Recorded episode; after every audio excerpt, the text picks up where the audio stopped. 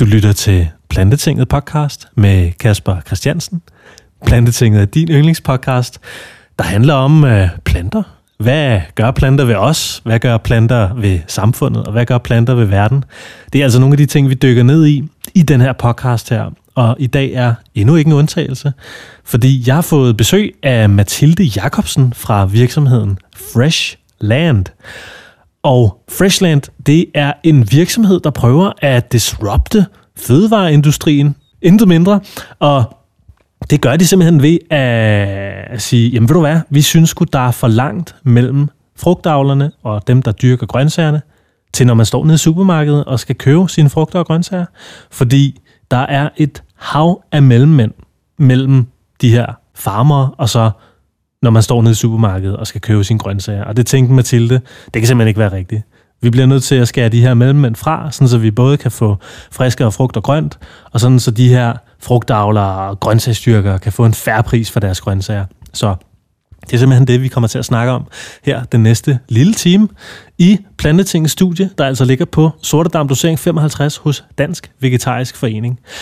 Og det skal jeg også lige knytte en kommentar til, fordi at øh, jeg har med den her podcast her, øh, ja, skrevet under på en kontrakt med Dansk Vegetarisk Forening om, at øh, jeg skal lave nogle podcasts øh, sammen med dem det næste halve år.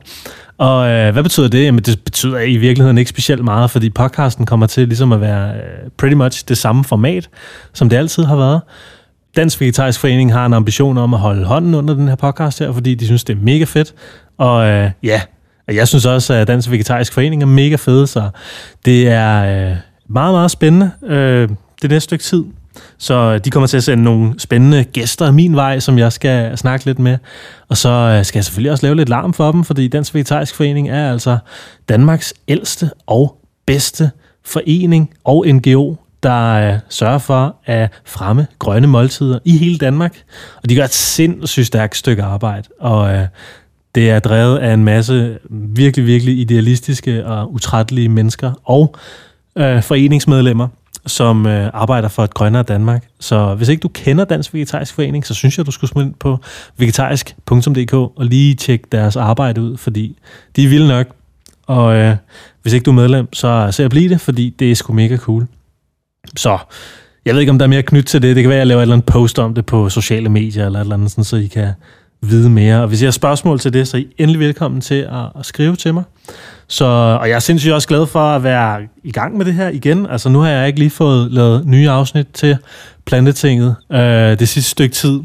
Jeg har haft travlt med arbejde og skole og sådan noget, men øh, nu står sol, måne og stjerner således, at jeg det næste halve år kommer til at i hvert fald lave podcast to gange om måneden. Så øh, det har I mit ord på, og øh, jeg glæder mig til at, at pumpe noget godt content ud, som kan gøre os alle sammen klogere på den her grønne sag her.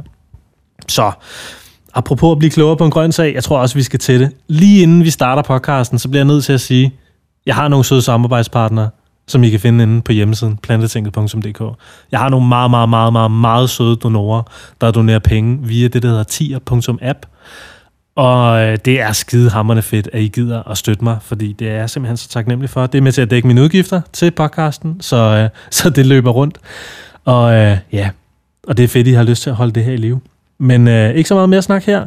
Lad os øh, klippe over til den snak, jeg havde med Mathilde Jacobsen fra Freshland. I dagens afsnit, der har jeg fået super pænt besøg fra Mathilde Jacobsen fra Freshland. Velkommen til, Mathilde. Tak skal du have. og Mathilde, Ja, helt basically så laver I jo nogle øh, madkasser, eller nogle kasser med frugt og grønt. Og det glæder mig sindssygt meget til, at vi skal snakke om den næste lille time. Men lige først for lytterne, der måske ikke ved, hvem du er eller kender dig, kan du lige så fortælle lidt om, hvem du er, hvor du kommer fra, hvad din baggrund er og sådan noget? Ja, øhm, ja mit navn er Mathilde, og jeg er 33 år, og jeg er faktisk vokset op her på Østerbro, øh, så jeg kender det her område omkring Sortedamsøen øh, ret godt. Øh, og nu har vi også kontor på Østerbro siden 1. maj. Øh, og det vi gør i Freshland, det er, at vi forkorter fødevarekæden fra jord til bord. Øh, og det vil sige, at vi fokuserer på, hvordan kan vi få de produkter, der er i sæson lige nu, ud til forbrugeren så hurtigt som muligt mm. uden øh, opbevaring og uden øh, forskellige modningskamre og kemi. Så det er sådan den gode, rene råvarer leveret direkte til din dør. Mm. Men hvordan kom I på det? Altså, hvad, hvad, kan du ikke fortælle mig historien om, øh, om sådan din... Øh, altså, du må have haft en eller anden form for karrierevej, indtil det ligesom gik op for dig, at der var et eller andet, du måtte gøre med den her fødevareindustri.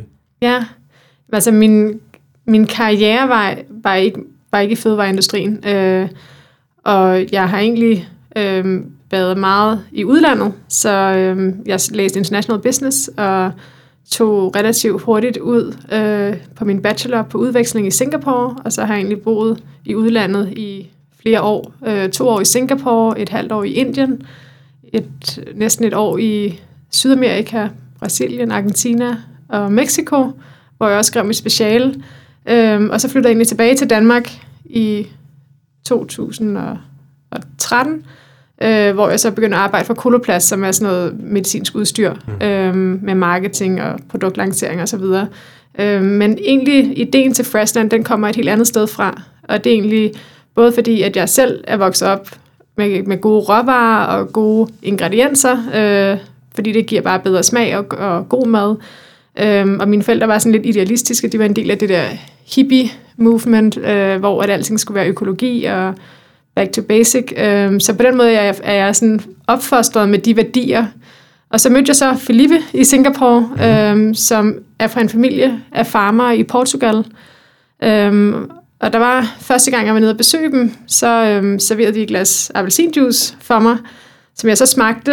Øh, og det var simpelthen så sødt og lækkert, at jeg ikke kunne, jeg kunne ikke forstå, at det var de appelsiner, som jeg plejede at købe i supermarkedet. Altså, det var sådan, jeg var vant til, at appelsinen, det var en sur frugt. Mm. Og her der fik jeg noget, der bare var så smagfuldt og lækkert, at jeg tænkte sådan, det kan ikke være ægte, det må være, der må være noget, der er tilsat, eller sukker, eller et eller andet. Og det, det var den ægte vare. Og det slog mig bare, at vi er kommet så langt væk fra den ægte smag af solmodenhed og, og natur, at vi faktisk ikke kan identificere den, når vi så står der med den gode øh, råvare i hånden. Øhm, Hvor var det hen i verden, du smagte det? var i Portugal. Ja. Øhm, og det satte ligesom nogle idéer i gang. Øh, og så et par år efter, da vi igen var nede og besøge Filippes familie, øh, så var faren ligesom i en periode, hvor han var i gang med at sælge årets produktion. Han havde ligesom alle de her appelsintræer, og så en gang om året, så kom der den her mellemmand, mm. som så sagde, øh, det, det her er det øh, price tag, som jeg gerne vil give for din produktion i år. Mm. Og han var sådan virkelig optimistisk det år, fordi der var bare masser af frugter på træerne, og han havde også købt noget mere land, sådan, så han kunne gro endnu flere appelsintræer, så han var bare sådan, okay, det her det bliver et godt år. og så da mellemmanden øh, han kom og, og skulle byde på, på den her produktion, øh, så var det bare en lavere pris end året før. Mm. Øh, og det vil sige, at alle de planer, Philippes far havde omkring, at han skulle have en ny bil og så videre, de blev ligesom lagt på hylden. Mm. Øh, og Philippe var selvfølgelig sådan frustreret over at se sin far øh, ligesom øh, give sine drømme op. Øh, og så satte han sig for at undersøge, om der kunne være nogle andre mellemmænd, der ville ligesom byde en højere pris på, på produktionen det år. Og så tog han rundt sammen med sin far og besøgte forskellige af de her mellemmænd. Øhm, Men når du der... siger, nu, det lyder sådan helt uh, mafia gangster når du siger mellemmænd. Altså, hvad, hvad er det for nogle folk, der mellemmænd? Jamen, mellemmændene er dem, som... Det her det er jo så det første led i kæden, øh, som er dem, der opkøber alle frugterne hos farmeren. Det vil sige, at de øh, betaler en eller anden pris for at, at kunne høste alle frugterne, og så høster de alting på, på én gang. De får en bus med inder eller nogle fremmedarbejdere, der kommer ud i farmen, og så simpelthen høster det hele på en gang. Så kommer det ind på et lager, hvor det bliver overfladebehandlet med en masse kemi, øh, og det bliver jo også høstet alt, alt for tidligt, fordi når du, når du er mellemmænd, så får du den samme pris for din frugt, uanset hvornår du høster. Så det billigste for dig er at høste med det samme. Mm. Øh, fordi så har du economies of scale, det vil sige, du, mm. du høster, og så modner du frugten faktisk på lageret mm. efterhånden, som du sælger. Øhm, så det er jo den måde, som industrien desværre fungerer på. Og det, der så skete her, det var, at Philippe og hans far var ude at besøge nogle af de her mellemmænd for at få dem til at byde på farens produktion. Og der var så en af dem, der kom til at slip her mouth på den måde, at, øh, at hun sagde, at øh, hun havde faktisk ikke lov til at byde på farmen. Og det satte jo så en masse ting i gang, fordi det viser jo så, at de alle sammen havde delt markedet op imellem sig, sådan så at de forskellige mellemmænd, de ligesom havde en del af det her appelsinmarked, som de måtte byde på, og de måtte ikke byde på hinandens farmere. Så der var karteldannelse? Der var karteldannelse, lige præcis. Øh, og det var bare, øh, altså det at se sådan en, den der frustration øh, hos farmeren, mm. hos Philippes far, som ikke kunne sælge til en anden pris end den pris, som ham mellemmanden ville give, fordi de simpelthen bare havde aftalt priserne mellem sig. Så det var måske lidt mafiagtigt? Det var lidt mafiagtigt. Ja, okay. øhm, og det gjorde ligesom bare, at vi, vi følte, der var nødt til at være noget forandring, fordi hvis der ikke er forandring, så vil det bare handle om at producere så meget som muligt, øh, for at de her mellemmænd, de kan, kan passe det on i den her mm. værdikæde. Mm. Øh, men rent faktisk, det der sker, det er jo, at produktet, det naturlige produkt, det går ligesom tabt, fordi at det, som mellemmændene de går op i, det er pris, pris, pris, pris, og det er sådan set ligegyldigt, hvad det er for en kvalitet, fordi det ved kunderne alligevel ikke, når de køber det. Øhm, så det, vi egentlig satte os for, det var at hjælpe Philippes far til at starte med, med at sælge øh, til nogle supermarkeder og catering virksomheder. Det var egentlig startskud, og der, på det tidspunkt der hed vi slet ikke Freshland. Der mm. hed vi Lamera, som er navnet på Philippes fars familiefarm. Mm. Og det første halve år gik egentlig med at lave en pilot på og hjælpe ham med at sælge sine frugter. Øh, og der kunne vi godt se, da vi så kom i gang, da vi fik nogle varer ind i nogle forskellige supermarkeder og også nogle store cateringvirksomheder, så kunne vi godt se, at der var meget, et meget større potentiale. Mm, mm. At det var faktisk ikke kun Philippes far, der havde det her problem med at sælge sine frugter. Det var også en hel masse andre farmer, avocadofarmer, granatæble, citronfarmer mm. osv.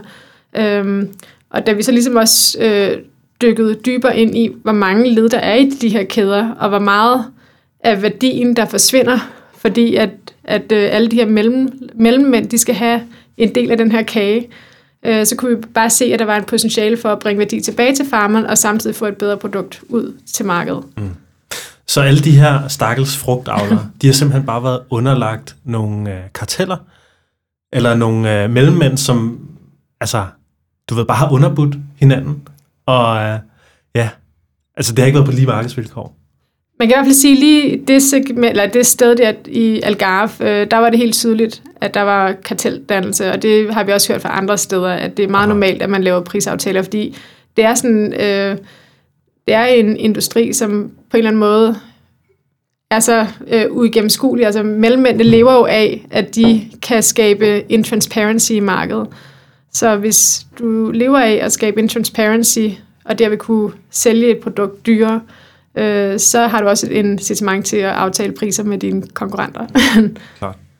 Så, men, øh, men, men det der egentlig, det der egentlig øh, fosterede sådan den her idé, det var det med, at der var så mange mellemled, som egentlig ikke skaber værdi for, for varen, men som ødelægger værdien. Mm. Så hvorfor skulle de egentlig være der? Og der var ikke rigtig nogen grund til, at de skulle være der, så derfor så tænkte vi, okay, hvis vi kan få varen direkte fra farmeren ud til forbrugeren, så behøver vi ikke al den her kemi, kemi i overfladebehandling, og vi kan faktisk bringe mere værdi tilbage til farmeren, og samtidig få et mere smagfuldt produkt. Mm. Mm. Klart. Spændende. Men hvor mange led er der så i sådan en, øh, i sådan en proces? Fra øh, Filippes far, han gror en øh, appelsin, til at den ender i et supermarked, lad os sige i Danmark. Hvor mange led er der der? Typisk er der 3-5 mellemled. Øh, og det er simpelthen fordi, at hver mellemmand øh, har ligesom en eller anden funktion i den her kæde. Øh, så den første mellem, mellemmand, han vil ligesom købe fra en masse forskellige farmer, så han, øh, han køber og pakker, og så sælger han det videre i systemet. Så kan det være, at der er en mellemmand i Valencia, som øh, modtager fra forskellige, øh, man kan sige, øh, øh, hvad kalder man, ja, altså de er jo mellemmand, men på et andet led i kæden. Men de modtager så de her appelsiner og videre sælger dem for eksempel til Holland. Så der er en mellemmand i Holland, der videre sælger det til for eksempel Grøntorvet i Danmark. Og så kan der være en i Grøntorvet i Danmark, der så videre sælger det til øh, dansk supermarked, og fra dansk supermarked kommer det på et eller andet lager, før det så kommer ud i butikkerne. Så på den måde er der så mange led, og hver eneste gang du skal, du skal igennem et lager, du skal fra en mellemmand til en anden, så er der både noget spekulation i priser, og hvis du har en forventning om, at du kan få en højere pris, hvis du venter, så lader du bare varen ligge længere tid på dit lager. Mm. Øhm, så på den måde så er det meget prisspekulation, og det handler meget lidt om den vare, du faktisk får. Øh, appelsiner i, i, hvad kan man sige, i den generelle industri er egentlig bare en commodity, så jo bedre pris du kan få, øh, jo bedre. Det er han, ja. Mm. og, og det ødelægger kvaliteten af produkterne, fordi, som du siger, at øh, mellemmændene er måske ligeglade med, hvordan forbrugerne har det, men forbrugerne er måske også lidt ligeglade, hører jeg dig lidt sige.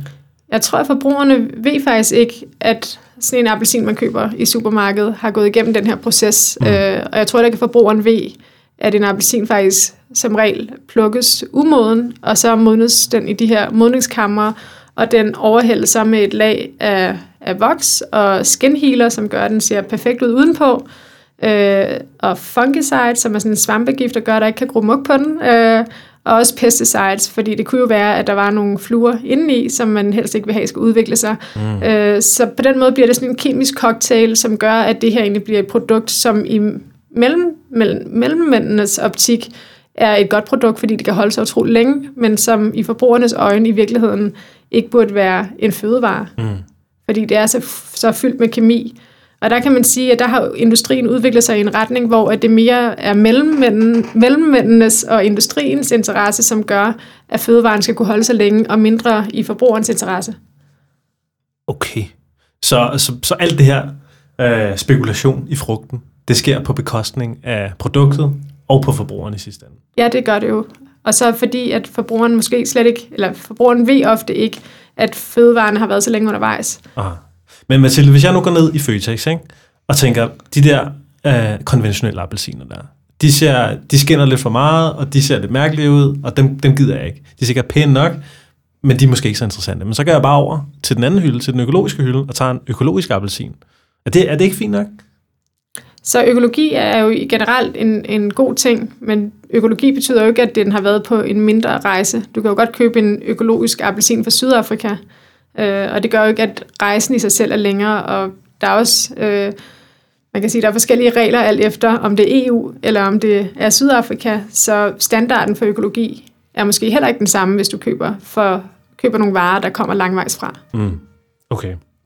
Så, så, så det du siger, det er, at man ved som forbruger i virkeligheden ikke, øh, hvor længe ens produkter har været undervejs, før at man står med dem i hånden nede i Føtex, eller i Irma, eller hvor fanden man står. Ja, fordi der er jo ikke nogen øh, høstdata på.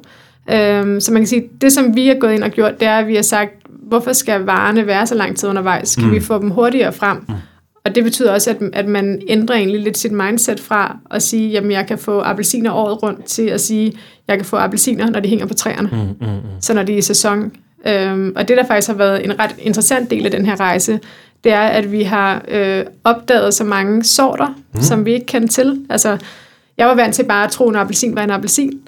Øh, men efter at have stiftet bekendtskab med mange af vores farmer, blandt andet Felippes familiefarm, så kan jeg jo se, at der er 17 forskellige sorter alene i hans farm. Wow. Og med alle de andre farmer, så er der så mange sorter, og de har alle sammen deres kar- forskellige karakterer. Mm. Det kan være i form af den, vi høster lige nu for eksempel, som er Dom Joao, og det er en appelsin, som har en meget tynd skal, men utrolig høj saftindhold, og smager fantastisk. Og så er der en anden appelsin, vi høster her til vinter, som øh, hedder New Hall. Den er ikke så god til juice, fordi den er ikke lige så saftig, men den smager rigtig godt, og den er let at skrælle. Så på den måde er der ligesom en masse små, små ting, som gør, at hver frugt er unik. Mm. Øhm, og den har vi lidt tabt øh, i den traditionelle fødevareindustri, fordi der er en appelsin, bare en appelsin. Mm. Mm. Men hvis vi kan få øh, farmeren til at fortælle os omkring de forskellige sorter, det gør også, at vi på en eller anden måde opdager fødevaren på en ny måde. Mm. Og så er der det med, at når man dyrker forskellige sorter, så får du både stærkere crops, øh, fordi de er mindre følsomme over for sygdomme og så videre, øh, og også insektangreb. Og samtidig så øh, kan man forlænge sæsonen. Mm. Så jeg vidste for eksempel ikke, at man kunne høste appelsiner om sommeren. Der blev jeg så meget klogere, fordi at øh, appelsiner kan faktisk høstes i alene i, i Philippes farm dernede i Algarve, der kan de høstes 11 måneder om året. Øh, og da vi sagde det til nogle af de her folk fra industrien, som vi mødte undervejs, så sagde de, at det kan ikke passe, fordi appelsiner fra, fra Sydeuropa, de er der kun om vinteren. Øhm, men det er simpelthen fordi, at den her fødevarekæde, den er så lang, at det slet ikke er gået op for dem, at de kan få appelsiner om sommeren fra Portugal og Spanien og Italien osv. Nå. Okay, så I, I lavede det her pilotprojekt, der hed ja. Lamera, og det kørte i et halvt år. Ja. Og hvad skete der så? Jamen, så var det, at det gik op for os. Der var flere farmere, som kontaktede os, fordi de havde hørt om den her succes øh, mm. hos uh, Lamera Familiefarm. Øh, så vi fik en avocado, avocadofarmer ombord, og granatæblefarmer og citronfarmer og grøntsagsfarmer, og til sidst blev det ligesom bare en hel portefølje af forskellige produkter.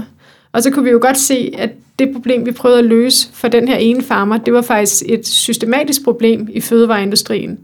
Øhm, og det gav os ligesom motivationen til at lave det til et større projekt, end det det var. Mm. Øhm, og så øh, startede vi en ny virksomhed, eller omdøbte vores virksomhed til Freshland, og så begyndte vi at, at udvikle øh, teknologien bag, som skulle gøre det muligt at kunne håndtere alle de her forskellige farmer og forbinde dem med, med de her supermarkeder og cateringvirksomheder, som gerne vil købe deres varer. Mm. Så I kørte Freshland i, for fem år siden, der kørte I det ind og begyndte på det? Ja, jeg tror, det var i jo, slutningen af 15. Ja. Okay. Øhm, og så har vi ligesom været i, på en rejse undervejs, øh, hvor vi har prøvet en masse forskellige ting af, fordi det er også noget af det, når man er iværksætter. Øh, man bliver ved med at prøve, indtil at man, man ligesom finder sit rigtige fit i markedet. Øh, og til at starte med gav det god mening at være B2B, fordi vi skulle have en vis volumen, for at vi ligesom kunne være interessante for farmerne. Så da vi ligesom var på vores øh, højeste på B2B, så havde vi cirka en, en lastbil om dagen. Mm. Og lige kort for dem, der ikke ved, hvad B2B betyder. Business to business. Okay. Øh, så det vil sige, at vi forbandt farmeren med det sidste led, før øh, forbrugeren købte varen. Okay. Øhm, og det var ret vigtigt for os, for ligesom at få volumen på at være relevante for vores farmere. Øhm, og så for cirka et år siden, der valgte vi så at sige, okay, nu vil vi gerne øh, fokusere på vores business to consumer. Det vil sige kontrollere fødevarekæden end-to-end, mm. øh, fordi det er ligesom det, der lå i vores, øh, hvad kan man sige, det var tanken bag til at starte med, det var egentlig at forbinde farmeren med forbrugeren, mm. men vi har ligesom bare haft det her mellemstop, hvor det har været supermarkedet, men når vi ikke kontrollerer hele fødevarekæden, så sker der det, at varen måske ikke er så lige så frisk, fordi den får lov til at ligge nogle uger i et supermarked, mm. øh, og det, der faldt vores koncept ligesom med, med med den standard, som supermarkedet havde for friskhed. Og den, var ikke, den stemte ikke overens med det, som var vores standard. Så hvis vi gerne ville have varerne fire dage fra høst ud til forbrugeren, var vi nødt til ligesom at lave den direkte forbindelse af øh, ourselves. mm, mm, mm. Men altså fire dage, det lyder jo, altså i mine ører, så lyder det som om, altså det er pænt hurtigt. Altså jeg tænker, kan man overhovedet nå at køre en, en lastbil fra, fra Algarve i Portugal til, øh, til Ringkøbing i Vestjylland? Altså, kan man det? Kan man levere en gang avocado så hurtigt? Det kræver, at man har en, en solid og gennemtænkt logistikkæde. Mm. Øh, og vores logistik fungerer just in time. Mm. Det vil sige, at vi modtager bestillinger ind til onsdag midnat. Torsdag, der giver vi bestillingerne til farmeren. Fredag og lørdag høster vi. Lørdag, der loader vi på vores lastbiler, kører afsted. Øhm, tirsdag er lastbilen fremme i Greve eller i Fredericia og så bryder vi lastbilen op i mindre øh, lastbiler, sådan så vi kan køre ud til the final consumer, uden at skulle øh, have en stor lastbil. Altså så det er nogle mindre biler, kører vi ud til forbrugeren. Mm. Øhm, og alt det her, det fungerer, uden at varen på noget tidspunkt står stille. Står stille. Mm. Så det er mega effektivt, og mm. det kræver virkelig, det fungerer virkelig som sådan en clockwork. Øhm, men det er den måde, vi kan gøre det på, at varerne er så friske som muligt. Mm. Så hvor meget mere tjener af jeres landmænd så, i forhold til, hvis nu de solgte til ham der, mellemmanden der, som sendte fem led videre i den her kæde her. Altså, hvor meget tjener øh, øh, Philippes far nu så? Philippes far er faktisk gået på pension, så vi har ikke, øh, vi har ikke øh, hjulpet ham de sidste par år. Har han fået sin bil? Han har fået sin bil. så, øh, men, øh, og han var i stand til faktisk øh, på baggrund af den øh, den forretning, vi byggede op for ham, var han i stand til at investere i sit, i sit land og bygge et warehouse osv. Det er nogle ret vigtige ting for at kunne sælge direkte. Mm. Øhm, men man kan sige, nu øh, er det jo sådan mere, øh, vi er en platform, som forbinder farmeren med forbrugeren. Øh, og det har vi kunne se blandt andet her under corona, øh, mm. for, at det har gjort en ret stor forskel. Øh, fordi mange af de små farmer i Danmark blandt andet, de øh, var vant til at sælge til restauranter, og lige pludselig fra den ene dag til den anden, så lukkede hele øh, den københavnske og den danske restaurationsverden, den lukkede jo bare ned. Ja, ja, ja. Øh, og vi blev kontaktet af flere små farmere, blandt andet øh, Bygård nede ja. fra Sydhavnen, som havde 200 kilo svampe, som han skulle af med hurtigst muligt. Ja, ja, øh, og godisgrøn fra Lejre uden for Roskilde, ja. som også havde planlagt hele deres produktion efter at skulle servicere Noma og mm. diverse restauranter. Øhm, og der kunne vi selvfølgelig godt bare have hoppet ind og sagt, okay, vi kan godt hjælpe dig med at slippe af med de der 200 svampe, øh, og bare dumpe dem i markedet, men det var ligesom ikke det, der var vores interesse. Vi vil gerne øh, være en langsigtet løsning for de her farmere. Så vi sagde til dem, okay, øh, det her det er de produkter du, og den produktion, du har for den her sæson, det vil vi gerne hjælpe dig med at sælge. Mm. Øhm, så vi gik faktisk ind og sammen med dem øh, kiggede på, hvad var en færre pris for de varer, de ville sælge, sådan, så de også var sikret en god økonomisk indtjening. Øhm, og så gik vi egentlig i gang. Øhm, og det vi kunne se, det var, at, øh, at vi solgte faktisk 80-100% af deres produktion. Øhm, og da, vi så ligesom, da der ligesom var nogle udsigter for, at restaurationsbranchen ville åbne op igen, så tilbød vi faktisk øh, Bygård og give dem en forudbetaling på varer, de ikke havde solgt til os, simpelthen for, at de kunne gå ud og fordoble deres produktionsfacilitet, mm. og der vi både levere til os og til restaurationsbranchen. Aha, fedt. Så. Jeg ved også, Lasse der fra Bygård, de er vist ved at lave sådan et stort projekt ude på Refshaløen, er de ikke? Jo, lige præcis. De skal så, til at skalere svampeproduktionen op der. Ja, og det er jo sådan meget også det her med bylandbrug, øh, og der kan man sige, at under corona har alle de her lokale initiativer jo også fået en hel masse mm. øh, vind under vingerne. Øhm, og det er sådan nogle ting, vi også gerne vil støtte op omkring, fordi en ting er at sælge lokalt, altså at stå og, og dyrke varerne ude på Refshaløen, men der er mange i deres dagligdag, der måske ikke lige kommer ud på Refshaløen for at købe. Øh, så det er også lettere for, for Lasse at levere al, hele sin produktion hos os, og så distribuerer vi det gennem mm. vores logistiksystem. Smart. Det er genialt. Så I sælger jo kasser til forbrugerne. Det er, sådan, er det sådan er jeres primære forretning, eller er der også, uh, I sælger også ind til catering og uh, andre? Ja, altså det, det, det er det, som vi gjorde oprindeligt, men vi er faktisk gået lidt væk fra at sælge B2B, okay. fordi at vores øh, B2C-salg uh, er vækstet så meget, og egentlig er vores hovedfokus nu. Okay. Uh, og det er også det, der er forenligt med vores værdier. Aha, okay. Så. Klart. Så uh, var det bedre før coronakrisen eller efter coronakrisen? Altså, Hvordan, øh, hvordan har hele den her krise påvirket jeres forretning? Øh, forretningsmæssigt, øh, så kan man sige, at vi vækstede før corona, vi, vi vækster efter corona, men der var selvfølgelig et løft, øh, da der var global lockdown, okay. øh, fordi at folk de ikke øh, de fik ligesom brudt op med deres rutiner, og de var måske bange for at gå i supermarkedet og købe og være tæt på andre mennesker, mm. hvor man kan sige, at vores produkter, de er jo pakket ned fra farmeren, ja. så når de ankommer til dig fire dage efter, så er de rimelig øh, øh, sikre i forhold til, at der ikke er nogen, der er rørt ved varen. Det er faktisk rigtigt, så det er faktisk mere pandemisikret. I stedet for, at der er sådan 10 mennesker, der rører ved varerne, så er det faktisk kun måske to eller tre eller et eller andet. Ja, både det, men også, øh, der er ikke nogen, der, der rører, der er ikke nogen, der ompakker kasserne. Mm. Så kasserne er egentlig pakket nede hos farmeren, og der går så mange dage, eller ikke så mange dage, men der går i hvert fald mere end de der tre dage, som man siger, der skal til for at bryde virusen. Mm. Smart. Det så Okay, så I har hele det her fantastiske system og sender kasser ud til jeres forbrugere, og øh, jeg fik selv lov at prøve nogle af de her øh, frugt- og grønt kasser, I laver. Jeg fik en kasse med blåbær, så fik jeg en kasse med... Jeg havde, jeg havde bestilt en kasse med blåbær, en kasse med finer og en kasse med rødfrugter. Og øh, så fik jeg at vide, ja, at finerne de var udløbet, fordi der var ikke flere finer nede på marken, så, hvad, så jeg kunne få noget andet. Men så tænkte jeg, at jeg skal have nogle passionsfrugter.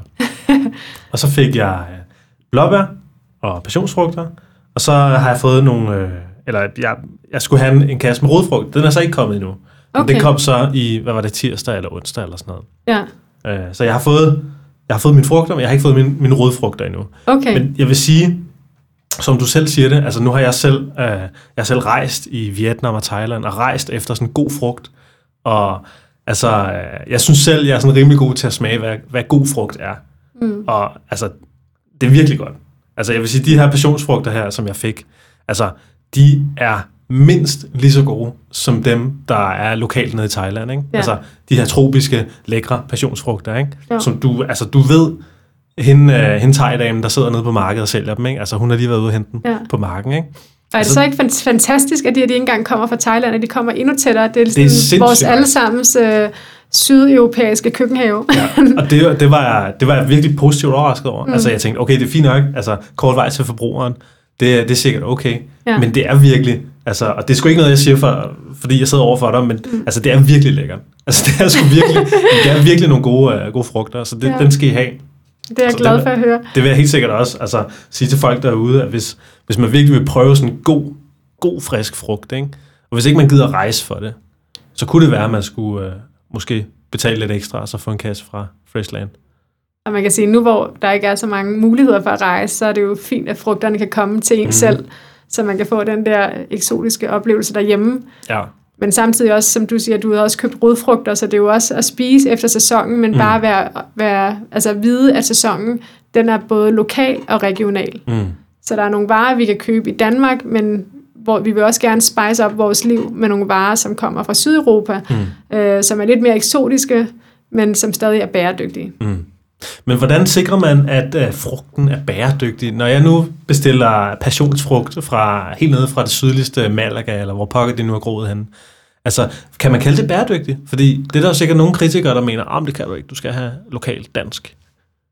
Man kan sige, hvis man skulle have lokalt dansk, øh, hvis det ligesom var parametret for bæredygtighed, så vil man jo være begrænset en del af året, fordi den danske sæson er ret begrænset. Mm. Øh, det er jo sådan forår, sommer månederne, øh, og så er der selvfølgelig noget, nogle æbler og pærer til efteråret. Men det er jo meget begrænset. Mm. Øh, og faktisk det, som vi blev ret øh, overrasket over, det var, at den største udleder i fødevarekæden, det er ikke transporten. Det er faktisk øh, kølelager.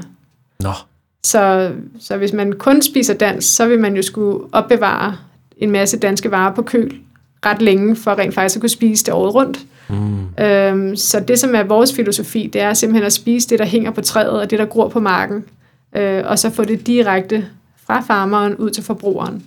Øhm, og WWF, de lavede en undersøgelse af, af os, hvor at de faktisk fandt frem til, at vi reducerer CO2 med 88 procent.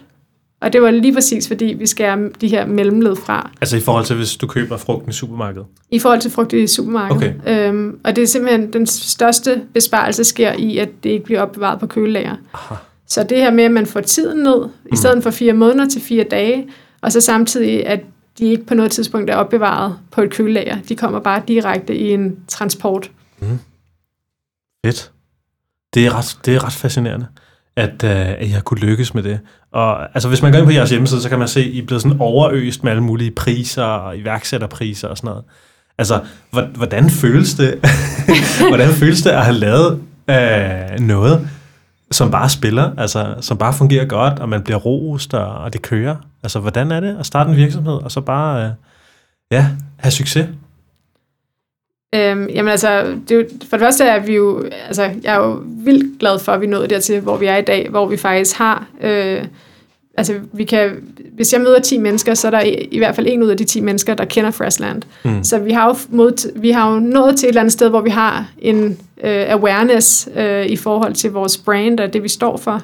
Øh, og samtidig så, det der betyder allermest, det er, at kunderne er tilfredse og glade. Mm. Øhm, I forhold til det billede, man ser udad til, så er det jo ikke det samme, som hvad der, er, hvad der sker indad til. Så det kan godt være, at det udad til ser ud, som om alting bare fungerer og er super fedt osv., men det er jo benhårdt arbejde og enormt mange bump og hiccups øh, undervejs. Øh, så Hvad har været det sværeste? Jamen det sværeste, uh, der er mange ting, der har været svære. Øh, jeg vil sige, vi havde her for tre uger siden en krise i vores logistik. Øh, vi skiftede logistikpartner, vi kom tilbage fra ferien, og jeg ved ikke om vores logistikpartner, om, om de havde, deres chauffør var gået på ferie, men der var simpelthen så mange fejl, at vi, vi følte, der var et akut behov for Mm. at ændre setup'et. Mm. Og vi troede faktisk, at vi havde et setup, der kunne fungere øh, og skifte til, men det var bare den forkerte beslutning. Jeg tror, vi havde, vi havde måske lidt glemt, øh, at øh, den øh, størrelse, vi har nu, øh, det, er, det er ikke noget, man lige skifter fra den ene dag til den anden. Øh, at det kræver rimelig god planlægning. Mm. Øh, så det måtte vi betale prisen for i form af en meget, meget stor mængde leveringsfejl. Øh, det er sikkert også derfor, at du har manglet din rodfrugtkasse. Ja, men jeg kan også se det på Trustpilot. Ja. Jeg Trustpilot, så, Ja. hvor, hvor der er nogen, der er lidt utilfredse. Så, øhm, så det har været sådan, altså det der med at levere den gode vare, det er jo ikke bare at levere den gode vare. Øh, Det er jo også selve leveringsoplevelsen. Så hvis vi ikke kan få varen ud til kunden, Mm. øh, så er det det samme som, at vi ikke har leveret varen. Klart, klart. Så, så som, som virksomhed er, er vi selvfølgelig både en digital platform, men vi har også et fysisk produkt. Og der skal vi bare sørge for, at det spiller. Mm. Øh, og nu har vi heldigvis fundet en løsning. Øh, det gjorde vi allerede i Jylland og Fyn for et par uger siden, så det spiller. Øh, og fra næste uge af, der har vi en løsning på Sjælland, som jeg er enormt stolt af, fordi det faktisk er en løsning, hvor at forskellige logistikpartnere, som har bevist deres værd, de er simpelthen gået sammen om at løse den her opgave. Og blandt andet så er en af vores partnere i det setup, det er Bike Express, mm-hmm. øh, som øh, har rebrandet sig selv til Change. Øh, og det, som de gør, det er at levere ud i sådan byområder øh, mm. via bike, via, mm. øh, via ladcykel. Øh, og det gør bare, at det bliver en CO2-neutral levering. Mm, mm. Øh, så jo flere af de her iværksætterinitiativer, og hvor man kan sige, at bæredygtighed er en del af deres core, jo bedre kan vi også lykkes med vores øh, værdi og vores mission om at skabe en mere bæredygtig fødevarekæde. Mm, mm. Fedt. Spændende. Så, ja. så, så det er ved at lykkes nu? Ja, så det er ved at lykkes, men du spurgte sådan i forhold til, hvad er det, der har været det hårdeste? Jamen, jeg tror, det hårdeste, det er, når, når man ikke lykkes i at give kunden en god oplevelse, mm, fordi det er jo mm. det, vi er sat i verden ja, for. Klar. Øh, så hvis du ikke ja. kan sikre en god oplevelse for kunden, øh, så har du på en eller anden måde ikke en, så bør du ikke være, så bør du ikke være sat, sat i verden, fordi det er jo altså det er dem, der er øh, og jeg mangler også lige et ord på dansk, sorry, men, men det er dem, der ligesom øh, retfærdiggør vores eksistens. Mm, mm, mm, mm. Klart. Hvis man går ind på jeres hjemmeside, så står der, at I gerne vil disrupte industrien, eller disrupte mm. den traditionelle fødevareindustri. Uh, og vi ser jo flere og flere af de her typer virksomheder, som I driver. Der er noget, der hedder Blue Lobster for eksempel, der sælger fisk direkte fra uh, fiskemændene. Og det er faktisk, altså konceptet, det ligner ret meget jeres. Øhm, tror du, vi vil se mere og mere af sådan noget her? Jamen, jeg tror, at øhm, helt klart, altså man kan sige, at teknologi er jo, er jo en enabler. Mm. Øh, så det at have teknologi, det gør, at vi kan skabe noget transparens. Vi kan forbinde øh, punkt A med punkt B, altså forbinde forskellige stakeholders. Øh, så vi har ikke behov for de her mellemmænd, som tidligere var mm. enablers og, og, og bindeled. Øh, så jeg tror da helt klart, at vi vil se, at, at der, hvor at teknologi kan skabe transparens, der vil vi øh, skal en masse mellemled fra, og det er der jo mm. rigtig mange forskellige industrier, hvad end det er fiskeindustri, eller fødevareindustri, eller tøjindustri. Man kan sige lige i forhold til fisk og fødevare, så er der en anden dimension, som er den her dimension omkring friskhed. Det betyder måske ikke så meget i tøjindustrien, om, øh, vare, om varerne kommer øh, fire dage fra, høse, fra produktion eller fire måneder fra produktion, men det gør en ret stor forskel, når det er fødevare. Mm. Øh, så derfor så, så kan man sige, øh, den forskel, vi gør, den er ret... Øh, øh, og hvad kan man sige, man kan tage og føle på den. Mm. mm. øhm, men man kan også sige, at det er et langt mere komplekst produkt, fordi at du skal temperaturkontrollere, du, det er levende varer, du har med at gøre. Øh, det er varer, som er følsomme over for klima, for vejr, for høsttidspunkt.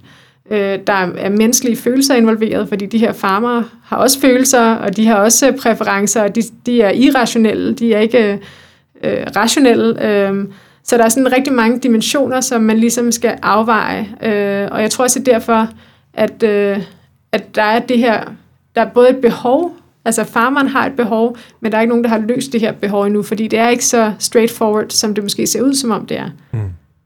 Det virker relativt simpelt, ideen om at forkorte, altså skære mellemledene fra, men selve eksekveringen af det er relativt kompleks. Mm. Ja, det må du om nogen vide, tænker jeg.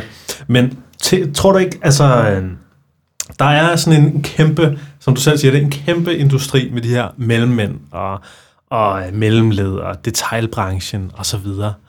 Øh, hvordan tror du, de har det med, at der kommer sådan en lille, øh, en lille spiller som dig ind på det marked og siger, nej, jeg tager sgu lige den her del af jeres marked. Altså, øh, jeg tror, føler de sig troet, tror du? Har I, har I dialog med sådan detailhandlen og de her mellemmænd her? Man kan sige, at vi, de har jo været vores kunder, og de er stadig vores kunder. Okay. Øh, og vi, vi servicerer stadig et behov for dem i at få friske fødevarer. Så, så på den måde kan man sige, at øh, de anerkender den værdi, som vi leverer. Øh, men jeg tror, jeg tror, at hvis man gerne vil se forandring i en industri, så, og sådan virkelig, altså ikke incremental øh, forandring, men disruptive forandring, mm, mm, mm. så er det andre kræfter, der skal på banen. Mm. Øh, og Philippe og jeg, vi kommer egentlig med nogle baggrunde, som er helt anderledes. Øh, jeg er fra MedTech og ja, Business, øh, og Felipe som tidligere McKinsey-konsulent øh, og ingeniør. Så det, at vi ligesom er gået ind i den her fødevareindustri, det gør også bare, at det er nogle andre øjne. Vi, vi ser industrien med en insider til den her industri, og jeg tror faktisk ikke, at, øh, at jeg tror ikke, at, at de her insiders, de selv kan se det, den, det behov, der er for forandring, fordi de er så vant til, at tingene kører på en bestemt måde. Så på den måde tror jeg egentlig ikke, at de ser os som en stor trussel. Mm. Øh, jeg tror, at de tænker, øh, at vi tosser rundt. Okay. det tror jeg i hvert fald, de har, har tænkt ret længe. Øh, mm. Det kan godt være, at de er begyndt at tage os alvorligt. Øh, men under, grundlæggende tror jeg egentlig ikke, at vi, at vi er en trussel for dem, fordi man kan sige, det der er den største trussel måske for fødevareindustrien, det er måske i virkeligheden øh, forbrugernes øh, hvad kan man sige, habits og den måde, de er vant til at købe fødevarer. Øh, og det tror jeg måske er en større øh, trussel mod dem. At hvis, øh, og det er jo noget af det, vi har set under corona, at øh, hvis der lige pludselig er lockdown, mm. og den måde, du skal have fødevarer på, er via online-kanaler, hvis du ikke har en online tilstedeværelse, og det er sådan set uanset om du er et supermarked, eller om du er en catering, eller om du er en restaurant, så har du bare ikke noget salg, altså så har du ja. ikke noget marked. Klar. Øhm, så jeg tror, det er mere den vej, at det er gået op for ret mange fødevareindustrier, eller fødevarevirksomheder, at de er nødt til at have en online tilstedeværelse. Klart, 100% Ja, det oplevede jeg også selv under så. coronakrisen. Jeg drev selv noget, noget webshop. Ja. Det begyndte også at stikke af. Altså, jeg fik udsolgt. Jeg kunne, ja. ikke, jeg, kunne ikke, jeg kunne ikke følge med. Nej. Det kunne jeg ikke. Øhm, men det, det er en helt anden snak. Men det er, virkelig, det er virkelig vildt også at se. Men også på en eller anden måde, hvor følsom altså hele vores øhm, infrastruktur er ikke? Mm. over for, for sådan nogle ting. Altså, øh, den her digitale alder, hvor vi kan kommunikere ting ud, ikke? hvor er, regeringen bare kan sige, vi lukker samfundet. Slut færdig. Ja. Og, så, og så skal vi bare ændre vores vaner fra den ene dag til den anden med, hvordan ja. vi forbruger. Og det er jo, øh, der kan man bare virkelig tydeligt se også, hvor sårbar øh, den her infrastruktur kan være. Ikke? Jo. Øh, og hvor vigtigt det er at være fleksibel. Ikke? Og hvor vigtigt det er at være øh, til stede online, ikke? og mm. kunne lave en service, der går direkte til forbrugeren, i stedet for at man skal ned i et eller andet supermarked, hvor man måske ikke føler sig tryg. Mm. Så det tror jeg helt sikkert, der er, er virkelig meget fremtid i. Det tror jeg helt sikkert. Mm. Så det er virkelig, uh, virkelig spændende. Når man går ind på jeres hjemmeside, så, uh, og klikker på den der fan, der hedder Om Os, så, uh, så er der sådan noget billeder, så, så har I billeder af frugt med spindelvæv på. ja. Og så, øh, og så ved siden af den, det, så er der sådan et billede med sådan noget frugt, hvor der er sådan en dyse, der sprøjter sådan noget, altså, hvor I skriver, det er sprøjtegifte, ikke? Mm. Øh, det er jo en meget, øh, måske lidt provokerende måde at markedsføre sig selv på, og sige, øh, når med detailhandlen, altså, I skriver det ikke direkte, men mit indtryk er, at den traditionelle detailhandel, der er der, er der spindelvæv på deres frugt. Eller det, det, det er i hvert fald den opfattelse, jeg får. Ja. Er, det, er det sådan en fed måde at, at markedsføre sig selv på, at differentiere sig og sige, Nå, men der er ikke spindelvæv på vores frugt? Jeg tror, at det er jo sat lidt på spidsen. Øh, men jeg tror egentlig ikke, der står noget om, at det er detailhandlen, fordi vi har jo selv leveret til detailhandlen. Okay. Øh, så, så jeg tror egentlig, det er mere i for at sige, at jamen, der er den gamle industri, den måde, den fungerer på, mm. øh, og så er der den nye måde at gøre tingene på.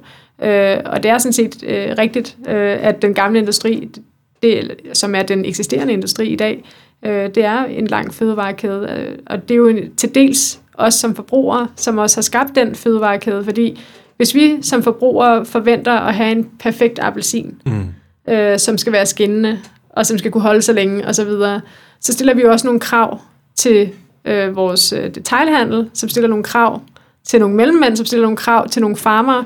Så hele den her kæde, den bliver jo bare en, en kæde, som så efterspørger produkter, som ser perfekt ud på overfladen, og som, mm. kan, som kan holde sig ret længe. Og der er det så, at kemien kommer ind. Mm. Fordi et natur, naturligt produkt kan jo ikke holde sig fire måneder.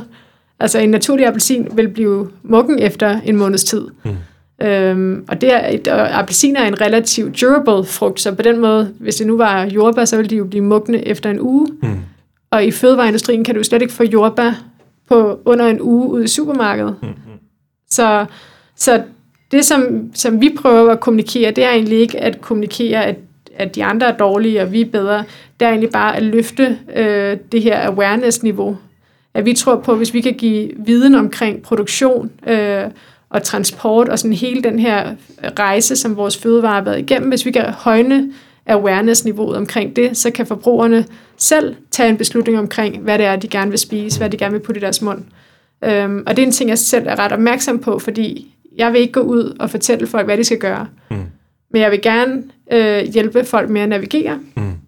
Og det er også en del af den rejse, vi er på, det er, hvordan kan vi øh, øge dataniveauet og informationsniveauet, sådan så du kan komme endnu tættere på de farmer, der har produceret dine mm. varer, mm. øh, og den rejse, din fødevare er på undervejs.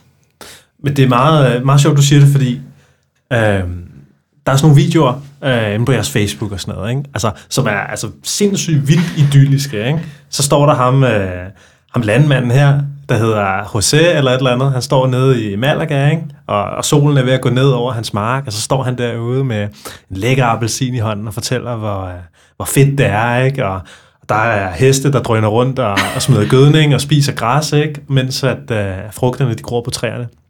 Og det ser meget, øh, det ser meget poleret ud. Ja, gør, gør det det? Det, det synes jeg, ja. jeg synes virkelig, at det ser, det ser virkelig idyllisk ud. Og det er idyllisk. Det er sindssygt idyllisk. Ja. Og det er sådan... Øh, og det synes jeg også er mega fedt. Ja. Altså, jeg får også lyst til at, sådan at rejse derned ja. og tjekke det ud og drøne rundt på den der gård, fordi altså, de ser ud til at have det totalt vildt. Ja. Øhm. Jeg var faktisk selv nede og filme dem sammen med et lille uh, agile film, filmcrew, uh, og jeg er selv ret tilfreds med resultatet. Jeg synes, at uh, det har virkelig, vi har virkelig været i stand til at convey den her følelse af at være i de her farme. Altså det var sådan, jeg følte, mm. da jeg gik øh, i solnedgang i mangofarmen, eller jeg red rundt på hesteryg sammen med Tina i hendes citronlund. Altså det er den følelse, man får, når man ser videoerne. Mm.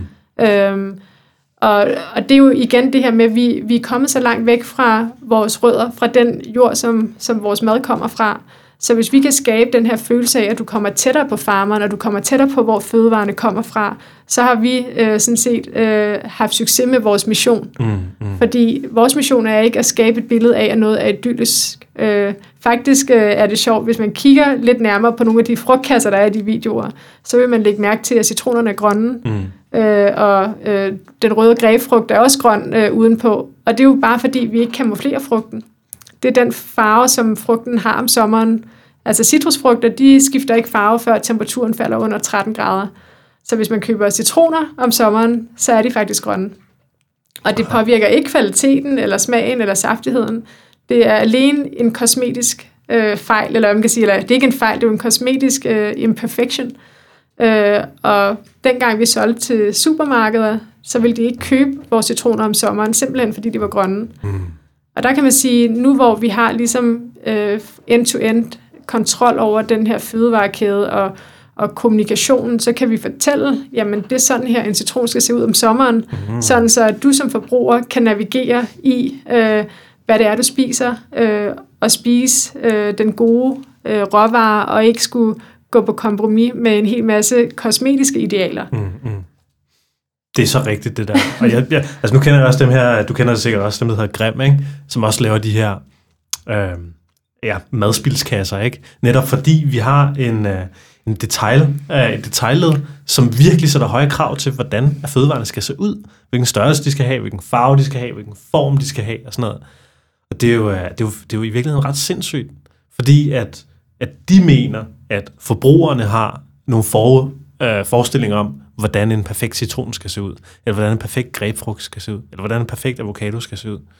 Men er det fordi, at, altså, hvad, hvad, Mathilde, hvad gør vi ved det? Hvad gør vi ved? Kan vi ikke få forbrugerne til bare at købe krumme agurker og købe øh, for små avocadoer og sådan noget? Altså, hvad, altså det, starter jo, det starter jo alt sammen med os. Så vi som forbrugere, vi er jo nødt til at forstå, hvordan vores fødevarer bliver til. Mm. Hvad er det for en proces, en tomat er under, når den står i, på friland øh, og gror, og der måske er nogle, nogle forskellige insekter, der tager en bid af dem undervejs og så videre, men det er jo stadig en god råvare. Mm. Øh, så det er jo noget med at få den her altså højnet informationsniveauet, sådan så man som forbruger kan navigere i, hvad er en god tomat, mm. eller hvad er en god citron. Mm. Fordi hvis jeg er sikker på, at hvis den gængse forbruger derude vidste, at citroner om sommeren er farvet gule, de er simpelthen blevet gasset i de her modningskamre, og så bliver det gule. Øhm, og de havde muligheden for at købe en naturlig citron, som er grøn. Så tror jeg faktisk rigtig mange vil vælge den naturlige citron. Mm. Fordi det bare er en renere og bedre råvare. Mm. Mm. så, men det er jo lidt tosset, at vi har vendet os til, at, at altså jeg, jeg tager nogle gange mig selv i det, når jeg køber ind i supermarkedet, at jeg vælger den største eller den mest perfekte øh, udseende grøntsag. Øhm, og det er jo der, at vi skal sætte ind. Ja. Det er der, vi skal ændre adfærd. Mm. Og kun hvis vi ændrer adfærd som kunder, så, eller som forbrugere, så vil supermarkedet ændre adfærd. Det tror du? Det tror jeg. Jeg ved ikke, om supermarkedet vil ændre adfærd, men man kan sige, øhm, men det er da værd at prøve. klart, klart. Ja, vi har sikkert magten med vores, øh, vores betalingskort, når vi står dernede og kigger og det, er jo ikke, og det er jo ikke kun supermarked, det er, det er jo bare sådan lidt sat på spidsen, fordi at der er mange af os, der jo køber ind og har en eller anden daglig gang i et supermarked, men det er jo så der, hvor at man kan sige, okay, der er mange af de ting, som du kan købe i supermarkedet, som du også kan købe andre steder, men til en bedre kvalitet og med mere transparens. Og det er jo så der, hvor at vi for eksempel leverer frugt og grønt. Mm. Øh, at når du køber frugt og grønt hos os, så kan du være sikker på, at det er det, som er i sæson lige nu, at det kommer fire dage fra høst, og at der ikke er noget øh, kamuflering eller kemi. Mm. Mm. Næsten alle vores varer er økologisk certificeret. Og det, som ikke er økologisk certificeret, det, er, det tester vi øh, pesticidfri, simpelthen for at kunne være sikre på, at det er rene varer. Okay, hvordan tester man det? Øh, vi sender vareprøve til, der er et laboratorium i Spanien, øh, hvor vi får det testet. Øh, og så kommer øh, testresultatet så tilbage til os, og det skal være helt rent, øh, før at vi tager det i sortiment. Aha, okay. og, og det gør vi så inden høst. Aha, og det er sådan en helt uafhængig laboratorium? Ja, det er det. Der ikke øh, kan bestikkes af, af mellemmænd eller noget?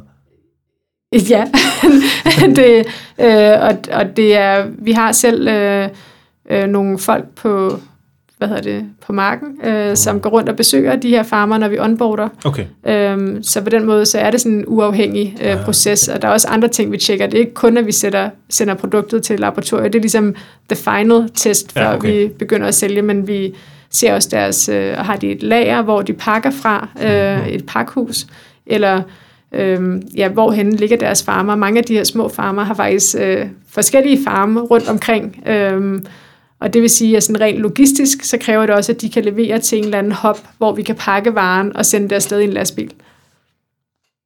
Jeg så sådan et, uh, der er sådan en serie på Netflix, der hedder Rotten. Jeg ved ikke, om du har set den. Ja, vi har set den, ja. Det er, øh, det er fordi, så kommer jeg til at tænke på, så er der de her uh, cannabisprodukter mm. i USA, hvor de får testet uh, indholdsstofferne i et laboratorium. Ikke? Ja. Og så... Uh, men, men det er jo også USA, ikke? Altså, der er nogle andre markedskræfter på spil der, tror jeg. Jeg har ikke lige set den, det afsnit. Hvad, hvad skete der der? Men det er jo fordi, at uh, der bliver ikke rigtig uh, ført så meget kontrol med, hvor højt uh, indholdet af de her aktive stoffer fra cannabis, der er. Mm. I, uh, de laver sådan noget slik, sådan noget cannabis-slik. Og for at det kan godkendes på det amerikanske marked af FDA, Food and Drug Administration, jamen, så skal det godkendes af et uafhængigt laboratorium. Og så er der flere forskellige laboratorier, der tester de her. Og så er der et laboratorium, der øh, konsekvent tester øh, lavere indhold. Altså, de, de, de, de måler konsekvent et lavere indhold end alle de andre laboratorier. Så der er flere af cannabisproducenterne, der vælger laboratoriet, der tester lavere. Ej, hvor er det tosset. Det er så tosset. Ja. Men det, det betyder bare, at så, øh, så behøver de ikke gøre sig så umage i produktionen ja. på hvor, øh, at styre de her øh, aktive stoffer. Ikke? Jo. Ej, det, det er jo da helt forkert. men, det er, men det er så sygt, ikke? Så det, det er derfor, jeg spørger på den måde. Ja. Det er derfor, jeg ligesom tænker det. Men også det der, øh, så er det, det, det første afsnit af den der Rotten der. Og det er altså virkelig en anbefaling til lytterne ja. derude. Ja. Det er virkelig... Uh, Altså, altså lidt skræmmende. Ja. Også den der, det der avocado-gangster. Ja, så ja. avocado-afsnit, og så den med chokolade. Ja, det er altså, fandme vildt. Ja. Hold kæft, men der er ikke nogen, der kører rundt i, på, militærkøretøjer med maskinpistoler nede i Algarve? Altså, det er lige før. Er det øh, altså, ikke på den måde, men øh, det sker indimellem af nogle af vores farmer, hvis de for eksempel ligesom, det, det jeg nævnte før, hvor de har mange forskellige små farme, øh, så kan de godt risikere, at der er nogen, der kommer og stjæler deres produktion. Og det har vi oplevet et par gange, hvor at vi, vores farmer simpelthen har fået stjålet alle deres avocadoer på træerne. Nej! Ja. Ej, hvor er det sindssygt. Ja. Hvad, hvad, hvad, hvad fanden gør man? Faktisk i går, der havde jeg et møde med en øh, med Panus, han øh, er græker, og hans far har en appelsinfarm som lige nu har appelsiner på træerne. Og han øh, har bestilt øh, en patrulje, som går rundt øh, og vogter hans appelsiner, fordi der er så stor efterspørgsel på de her appelsiner, wow. fordi at det er slutningen af sommersæsonen, og samtidig så har den her coronavirus gjort, at der ikke er særlig meget import fra, fra Afrika og så videre. Så hans appelsiner er enormt eftertragtet. Og hvis han ikke har en patrulje, der går rundt og holder vagt, så kommer der nogen, der stjæler stjæler dem. det er skørt. Det er fuldstændig skørt. Ja, hold da kæft, mand.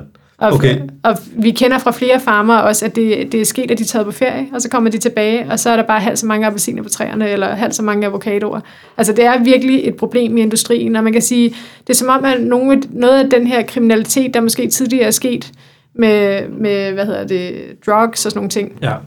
At de, at de folk, de er simpelthen flyttet ind i fødevareindustrien, fordi der er mindre straffe, øh, og du kan tjene en masse penge, øh, uden at der er konsekvenser for dig. Så det, det virker som om, at, at det er et stigende problem.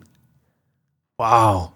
Det, det er så vildt, at folk de kommer fra, fra narkotikaindustrien til, til frugtavlerindustrien. Ja, og også altså sådan, man kan sige, der er jo, en ting er at stjæle frugt, men vi har også set masser af skandaler med fake honning. Altså der var jo Ja, ja, ja, det her eksempel med fire ud af fem danske honningbrands, som faktisk ikke var honning. Og det var fordi, de havde en kinesisk underleverandør, som havde leveret fake honning.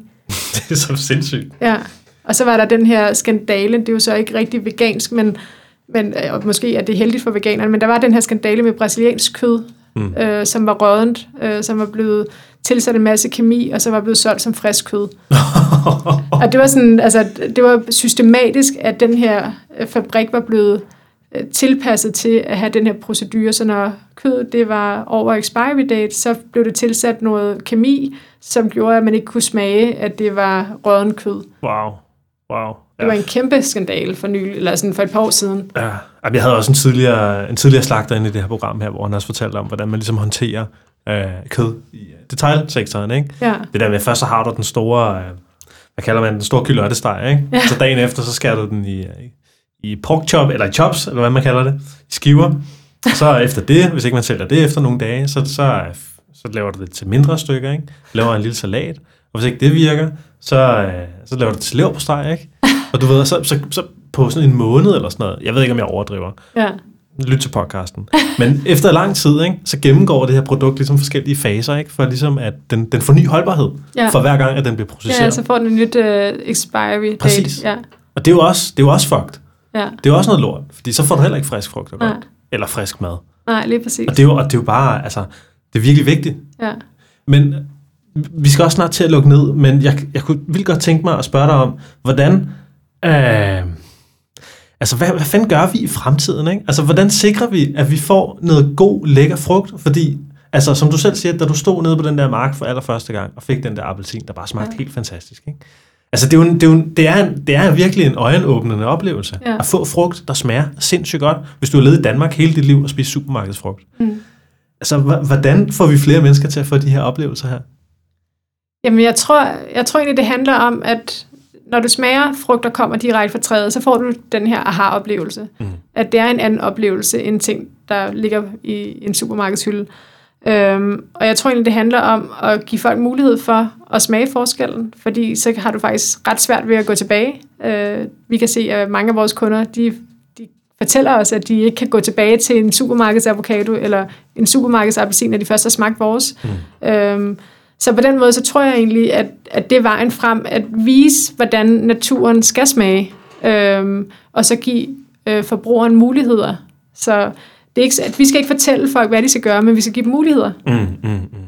Så, og så tror jeg sådan i det hele taget, i forhold til bæ- mere bæredygtig livsstil, så tror jeg egentlig, at, øh, at det handler om at ændre dårlige vaner. øh, så hvis vi har en vane med, at vi ser efter noget, som skal se perfekt ud, øh, så kunne det være, at man måske skulle udfordre sig selv og sige, jamen, hvad hvis jeg i stedet tager øh, den øh, gulerod, som ikke ser helt perfekt ud? Måske er det i virkeligheden en gulerod, der havde en, en bedre, et bedre liv på marken, fordi den har fået lov til at udvikle sig, som en gulerod nu engang skal udvikle sig. Mm. Den er ikke øh, streamlinet i et eller andet produktionsapparat. Så jeg tror sådan generelt, hvis vi kan prøve at udfordre os selv, og måske prøve at tænke lidt ud af boksen, øh, men det er selvfølgelig lettere sagt end gjort. Mm, mm. Øhm, og så tror jeg også, at sådan hele det her corona-ting, det har jo virkelig rusket op i samfundet. Og jeg tror da, at, øhm, at det kan skabe nogle nye vaner.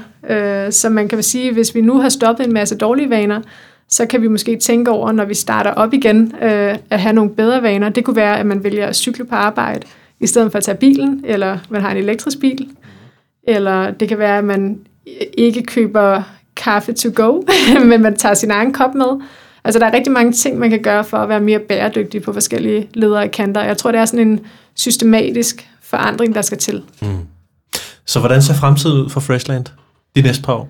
Jamen altså, vores, vores drøm, det er, at Freshland øh, forbinder millioner af farmere og millioner af forbrugere. Er der virkelig øh, millioner af farmere derude? Det er der. Okay. Der er, jeg tror, det er 8 millioner farmere i EU. Hold da kæft, mand. Ja, og en gennemsnitsfarm, i hvert fald i Portugal, den er på en halv hektar. Og det er især de her små farmer, som har brug for hjælp. Der er brug for en håndsrækning. Det, det er meget lille land, ikke? Jo, en halv hektar, det er sådan... Øh, hvad er det? Det er måske øh, 10 villahaver. Ja, okay, det er ikke specielt meget. Nej. så, så man kan sige, øh, mange af de her små farmer, hvis de stadig skal være øh, en business i fremtiden, og det er jo dem, der, der laver de her lækre, naturlige råvarer, som har tid til at, at pleje og passe dem, så er vi nødt til at give dem en salgskanal. Mm. Og det er min drøm, at, øh, at Freshland kan gøre det til millioner af farmere, og få millioner af, af forbrugere til at have den her aha-oplevelse med mm. rigtig friske råvarer. Fedt. Fedt. Mathilde, vi er ved at nå på cirka en time. Lige knapperne op. Har du noget, du sådan sidder og tænker, du mangler at tilføje, inden vi sådan helt lukker ned for dagens program? Så noget, jeg sidder og brænder inde med? Ja. Øhm, kommer sikkert bagefter, men... Øh, det, gør det, gør det altid sådan noget.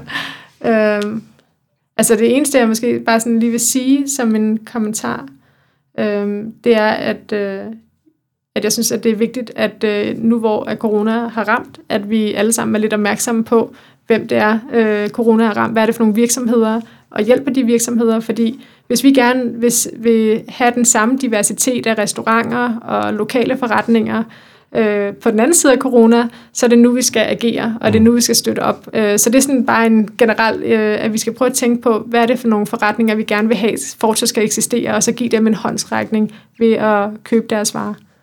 Fedt. Det lader være det sidste ord for dagens podcast. Ja. Mathilde Jacobsen fra Freshland, tusind tak, fordi du ville være med. Det var virkelig, virkelig spændende, og øh, jeg håber virkelig, at I får... Øh, få godt gang i de der frugt og grønt der. Og hvis du sidder derude og tænker, at øh, du gerne vil smage noget virkelig lækker frugt eller grønt, så synes jeg altså, at du skulle overveje at prøve at gå ind på fresh.land og øh, tjekke deres produkter ud. Det er altså øh, skide lækkert. Det er virkelig, virkelig nice. Nu, som sagt, jeg fik selv blåbær og passionsfrugt, og øh, jeg delte de der passionsfrugter med nogle venner, og de var også helt, øh, helt overrasket over, hvor, hvor lækkert det var. Så tjek det ud. Og øh, udover det, så håber jeg bare, du får en fantastisk dag. Kan du have det godt? Hej hej.